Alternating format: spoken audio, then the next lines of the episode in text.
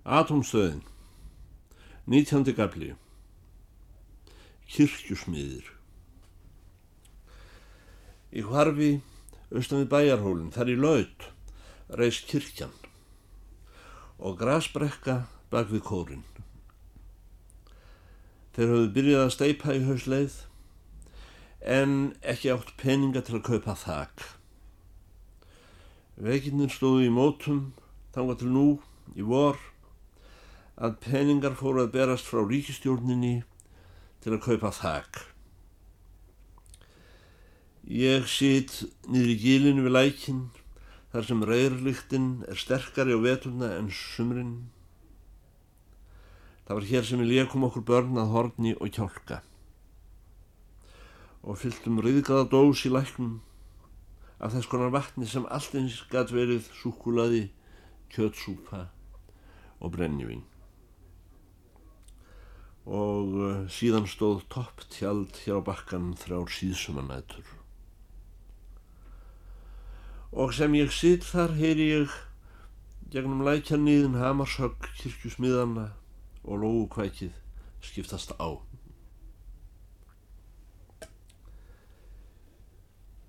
Í fyndinni höfðu tólf bæir átt hér kirkjusókn sem ég segja átjón en á eldinni sem leið lagðist kirkjan niður. En rýs hér kirkja, þó ekki séu nema þrýr bæir eftir í dalnum. Og þriðji bóndin yfirsmiður kirkjunar Jón á Barði, ekki nema hálfur eða valla það, búin að minsa konuna, en börnin farin suður. Og ekki lengur tekin upp eldur á bænum nema sá eldur sem logar í manninum sjálfum. Og trú hans, svo hestamannatrú, sem nærmundi að kenna við völsa en krist. Aldrei nefndi barðjón kirkju annað en Guðs lukkross og prestinn graðhest sálna stóðs. Og hvorki ég ég aðrir urðu þess varir hann kynni annað gott. En þið gamla skakkfyrska fadir vor sem byrjar á þessa leið fadir vor ég nú ekki bjöð skjóttatrippið farða að punta pappirinn út um allar þorpagrundir. En þá bæn tuldraðan fyrir munni sér sent og snemma. Og geiri í miðhúsum hlær þeim hlátri sem dugamundi til að reysa domkirkju jafnvel á heklutindi. Þessi barnamaður nágrann okkar, annar höfuðbóndin í dalnum, er sterkasti málstæður heimsins holdtekinn. Sá málstæður sem engin rauk semt býtur í guðfræði heimsbyggi nýja hagvísi. Ekki einu sinni rauk semtir magans, sem eru þó jafnan viturlegri rauk semtum heilans ekki síst af þær mægin í börnum okkar sem talar. Þessi maður sagðist aldrei skildu lifandi burt úr dalnum.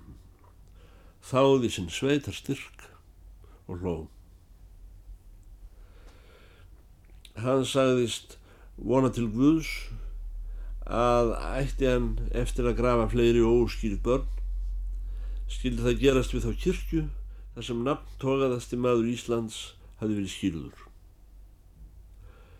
Sjálfur saðist hann hlakka til að líka um eilífð í einni af þessum skemmtilegu þurru gröfum hér efra og rýsa upp síðan innan um skáld og hetjur, fornaldar, heldur en dúsa í blöytri langsamri gröf niður í sveit meðal bænda kurva nútímans og þræla sem dróðu fiska. Þeir rætust við mestallan daginn um hetjur fornsakna við smíðar sínar. Barðjón aðhyldist engum þær hetjur sem lágu á heiðum eða útskjærjum. Hann dáðist ekki umfram allt að skálskap hetjunar, heldur því hver lengi hetja mátti við margnum einn saman í orustu, ántillits til málstæðar. Hann gildi einu hvort hetja hefði rétt eða ránt fyrir sér. Oftast nær höfðu hetjur ránt fyrir sér í upphæfis, saði hann. Þeir urðu hetjur ekki af göfki málstæðarins heldur af því að gefast aldrei upp, ekki einu sinni þó þeir veru bútaðir lifandi. Af hetjum þeim sem sekir lifðu í óbyðum unni hann mest greitti sterka og af sömu ástæðum sem taldar eru í lok grettisögu að hann lág lengur á óbyggðum en aðrir menn að hann var allra manna best til þess lagður að fljúast á við drauga og að hans var hefnt lengra burtu frá Íslandi en nokkurar hetju annarar þar á ofan í mestu borg heimsins út í Miklagarði Hetjur föður míns höfðu mennskar í dráttu. Þeir eru það að minnstakosti að vera ættfeður til þess þeir nýtu trúnaðar hans fullkomins en þá engum skáld. Fjöll og útsker voru lítill staður hans hetjum. Þessum grandvara manni sem ekki hafi ránglega haft eirisvirði af neinum fannst aldrei aðtugavert þó hetjur þessar Sigildu gapanda gíni og gínandi trónu til Skotlands, Englands eða Íslands að brytja þar saklaust fólk og hafa burt með sér fjármunni þess. Og ekki fannst þessum hæverska dalbonda ljóður á ráði hetju þó hún festi spíu sína í andlit mönnum. Biti fólk á barkan eða krækti út úr því augan með fingrinum um leið og hún gekk hjá í stað þess að taka hann hattin.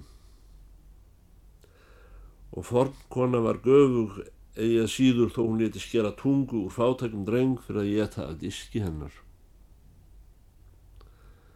Ég held sá atbyrður hefði ekki verið til í Egilsúðu Skallagrimssonar að hann hefði ekki verið föður mínum hugleiknari enda kunnari öllum stórtíðindum sem gerst höfðu í landinu um daga hans sjálfs og varla uh, það stef kjent agli sem honum leki ekki á tungu.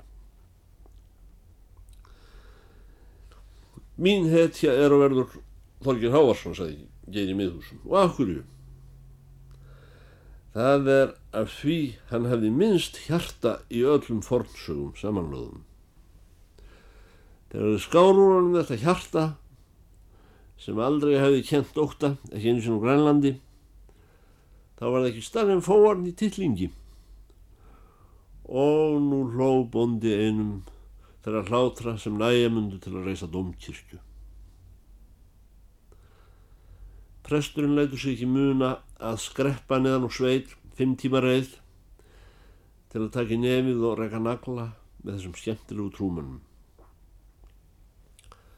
Þegar mótinn eru tekinn þannig að steipunni er langstæsti glukkin á austurhlið yfir alldarinu og veit út af brekkunni þar sem túnið byrjar að klífa fjallið. Presturinn var íbyggin og svip þannan dag. Þanga til hann hvaða loks upp úr í kaffinu. Hér hefur verið gerð mikil bylting, saði hann. Eins og mesta sem orðið hefur í sögunni og eins og allar stórbyltingar hefur hún gæst þegjandi á þess nokkur tæki eftir því. Við vissum ekki hvað úr þessu myndi verða og byggðum. Ekki veit ég hversu margar kirkjur hafi verið reistar í heiminum síðan Kristinn síður var upptekinn, saði presturinn. En þetta er í fyrsta skipti í mannkinsögunni sem nokkur maður hefur þórað að gera kirkju með glugga yfir alltarinnum. Áður fyrr myndi hver sá kirkjusmiður hafa verið soðinn lifandi sem gerst hefði svo djarfur. Geiri í miðhúsum ljómaði upp og hló ákaflega. Því hann hjælt presturinn verið komin með enn eina fyndnina. Barði Jón. Það hefði ekki verið mikið glukkross ef þarna hefði verið blind. Fögur er hlýðin, sagði fæðin minn. Fögur er hlýðin endur tók bresturinn. Þar kemur nefnilega allt í einu heiðindómurinn í Íslandingasóðunum. Til þess er kristendómurinn að maður sjá ekki hlýðina og til þess er kirkja að byrja fyrir manni náttúruna að minnst að kosti um messu. Í formum kirkjum voru allar rúður málaðar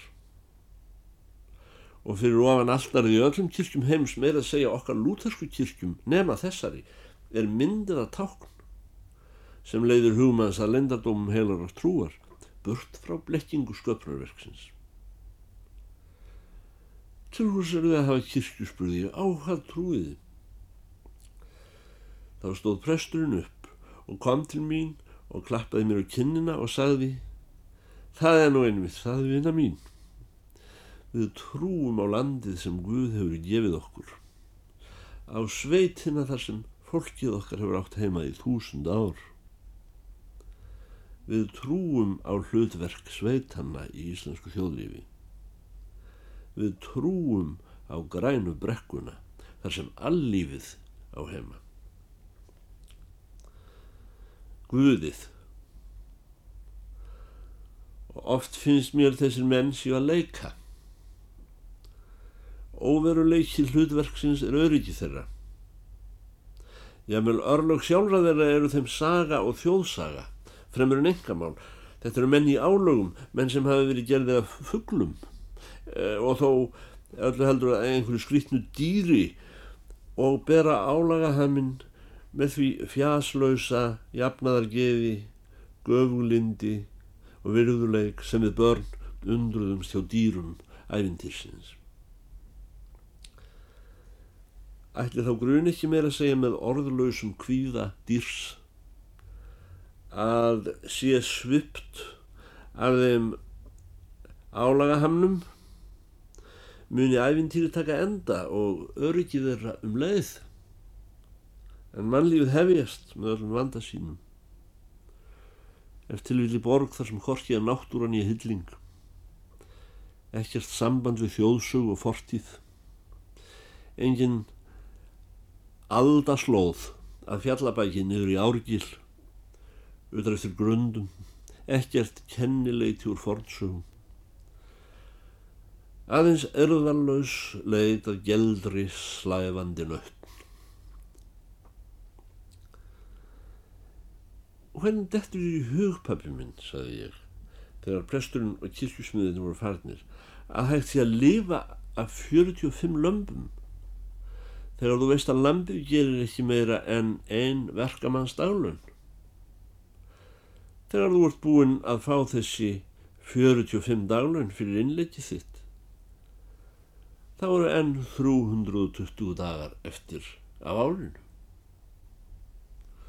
Við lifum, saði hann, við lifum. Og ekki nema tvær kýrstrillur, gældar og viksl hálft árið.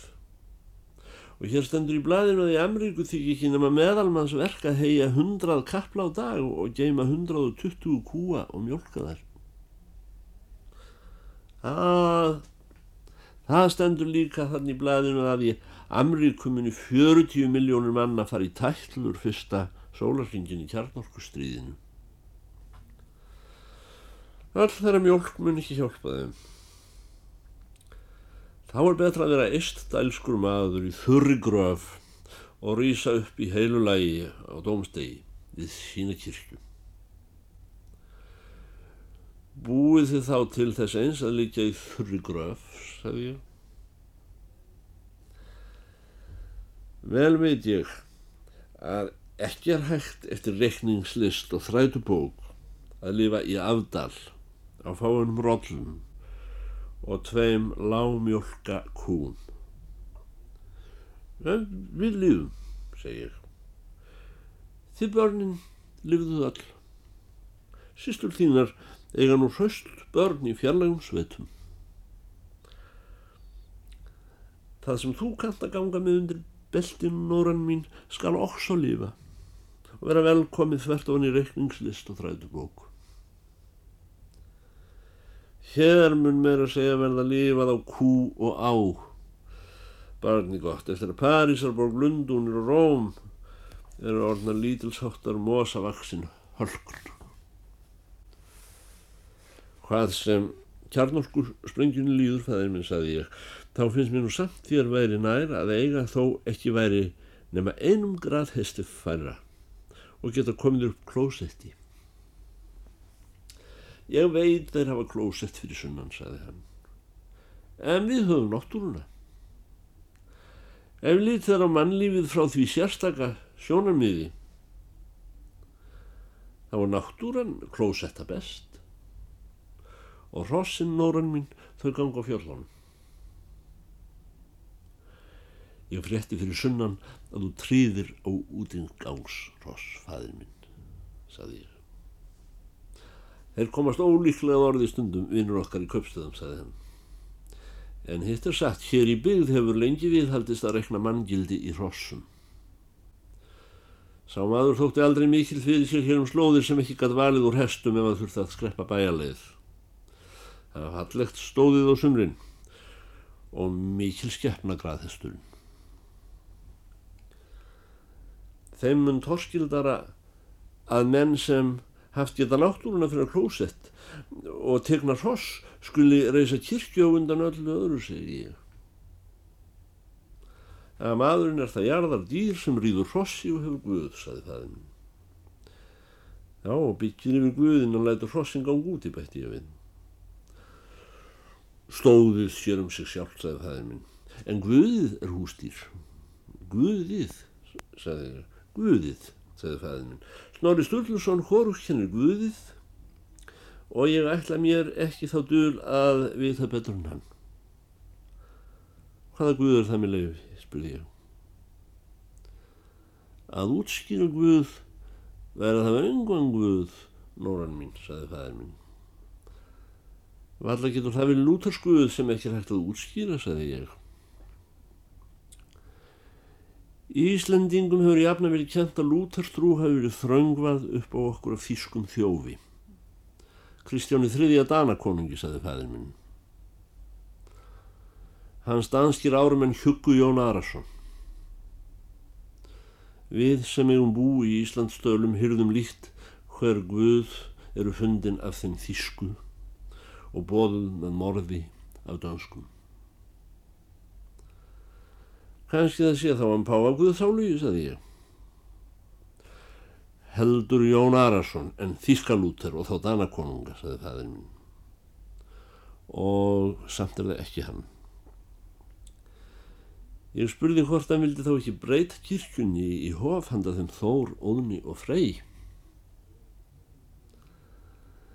Fæðin minn endur tók nafn þeirra segni máli og hugsi og svipurinn mildaðist aftur eins og við endurminningu horfin af ína Þór, Óðinn og Freyr.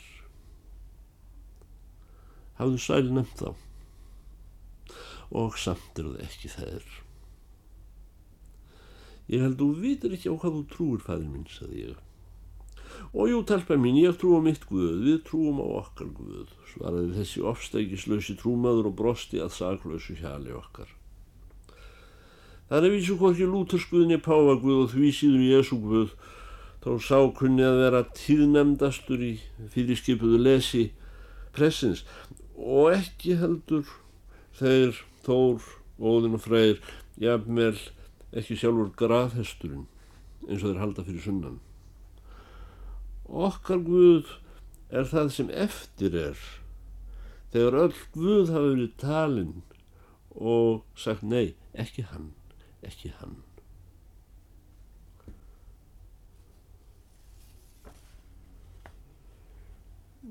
Tuttugasti kamli Landið selt Smíðahöggin liðu út í bergmál sitt og samþættust fjalldalakyrðinni og áfram heyrist til lóðu. Hví ekki lifa æfilangt í friðsælu og kyrð og sækja vatn í lækin í stað þess að láta það buna úr krana inni hjá sér og enginn hræri vel og klósett málið óleist. Því miður, kyrð og friðsæla er aðeins hvæði til að hafa yfir í kaupstöðum. Hvæði sveitamanna sem flækst hafa á mölina sækir fjárskólds og tekið þar heimsbakteríuna miklu. Og bráðum ekki einu sinni nútíma hvæði lengur heldur Jónas Hallgrímsson. Eða myndi það nokkur streng snerta hjá nútíma skáldi að þeirra kirkju barða saman í afdal og lógu kvaka millir hamarsvögganna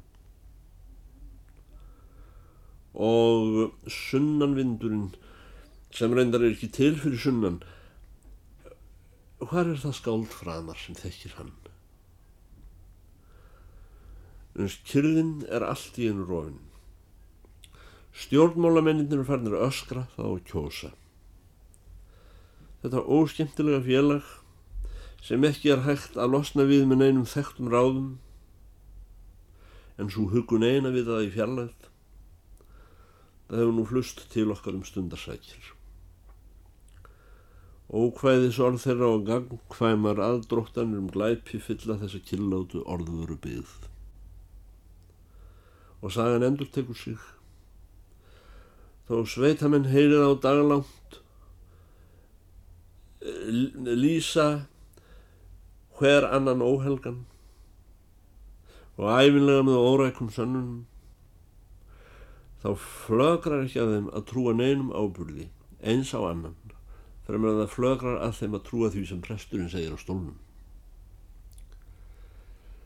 Þegar frambjóðendur hafa lokið máli sínu heilsa sveitamenn á þá með brosi eins og þetta veru hverjir aðrir menn. Maður sem slátrar skakri rollu í sveit kemst ekki ættartölur eftir henni döður og samt eru niðjar hans merktir í 200 ár. Svo lítil furða þó sveitamenn trúi mátulega verkum eins og þeim sem stjórnmólamenn sanna hverjir á aðra. En það hlusta þeir á glæpasögur þingmólafunda af sama hugarfari og fornsögu um barkabíti, spíu þeysi og útkræki augna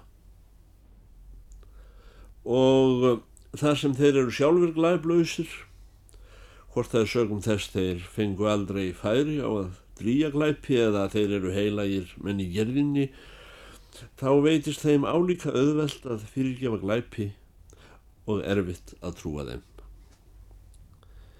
Ekkert vald hefði geta neitt föður minn til að trúa þó sannan væri með staðrendum fyrir augum hans að tilværu þeir menn á Íslandi sem vildu afhenda útlendingum landsréttindin árið eftir stopnin líðveldisins eða eins og það kallað á nútímamáli selja landið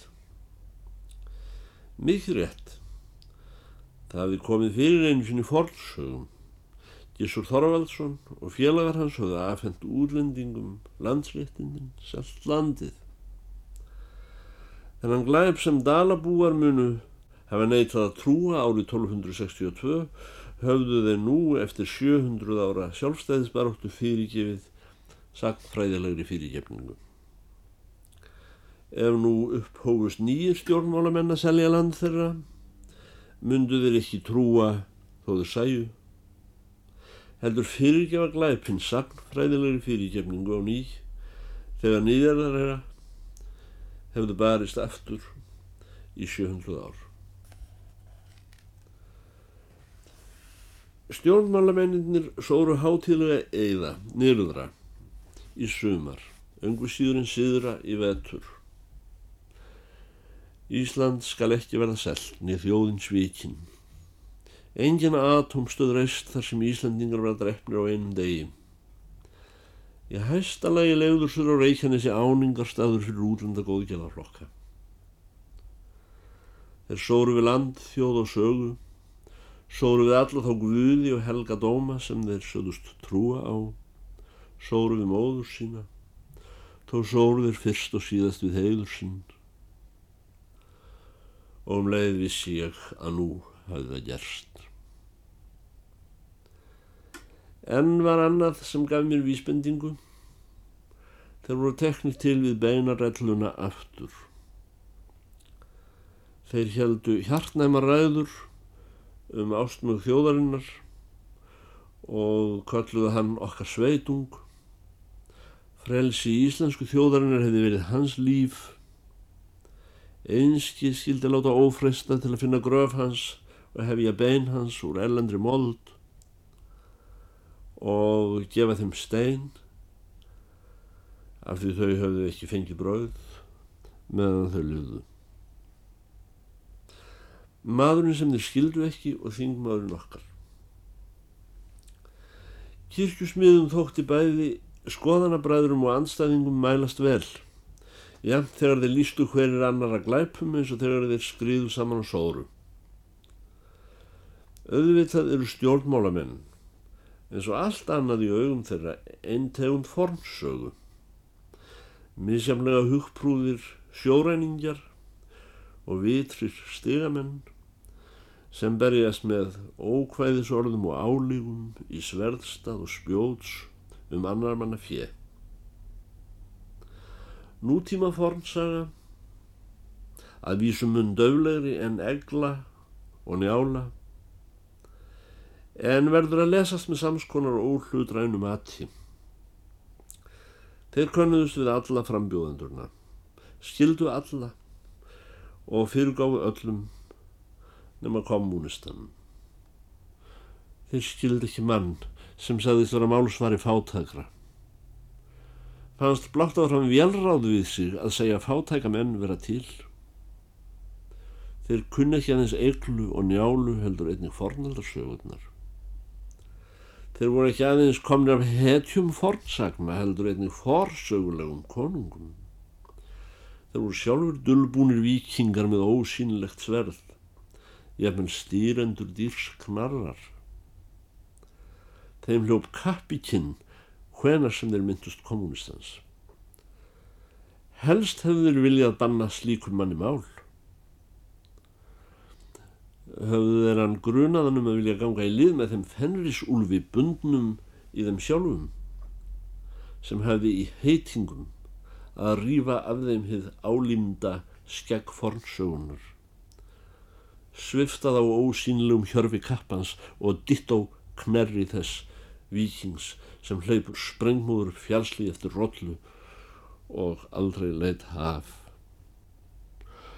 Sór þingmaðurinn okkar, spyr ég. Vel skildist hvað hann átti við þó hann tæk ekki mikið upp í sig blessaður öðlingunum sögðu þeir og í svarinu sá ég allt í einu grímuna sem hann bar gangvart þreyttum fátækum kjósendum sínum í dölum Norðurlands, öðlingur, eitthvað í líkingu við gamlan náttúrulausan biskup. En það hefðu slíkir menn aldrei skilið að hann var sjálfur of langmóður af sólbreyskju góðra daga til að hafa áhuga mál. Of mentaður til þess að biti á hann nokkur ásökun. Áleit mannlífið innan tóman skopleik og þó öllu heldur slís og leittist. Eftir á að higgja,